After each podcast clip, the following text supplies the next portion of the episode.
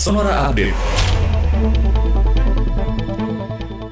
Sahabat Sonora, Menteri Dalam Negeri Tito Karnavian kembali mengingatkan jangan sampai ada klaster penularan COVID-19 dari kegiatan ekonomi dan keagamaan.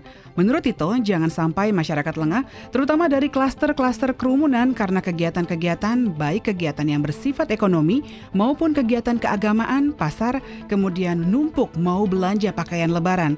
Mendagri terus meminta dan mengingatkan masyarakat untuk tidak lengah terhadap protokol kesehatan pada bulan Ramadan dan menjelang Hari Raya Idul Fitri. Menteri Koordinator Bidang Perekonomian Air Langga Hartarto mengungkapkan biaya vaksin gotong royong dipatok 500 ribu per dosis. Artinya dana yang dibutuhkan sebesar 1 juta rupiah per orang karena masing-masing harus mendapatkan dua dosis vaksin COVID-19. Menurut Erlangga, pemerintah saat ini telah menyiapkan 500 ribu dosis vaksin Sinopharm dari kontrak 7,5 juta.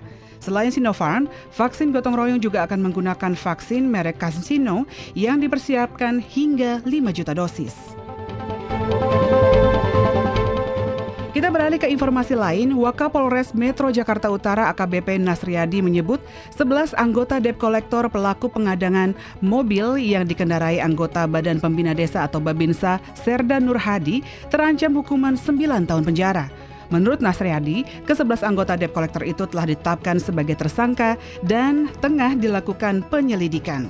Selain itu, para pelaku kemungkinan akan diancam pasal 335 ayat 1, yakni tentang perbuatan tidak menyenangkan dengan ancaman kekerasan dan 365 yakni pasal perampokan dengan kekerasan junto pasal 53 percobaan.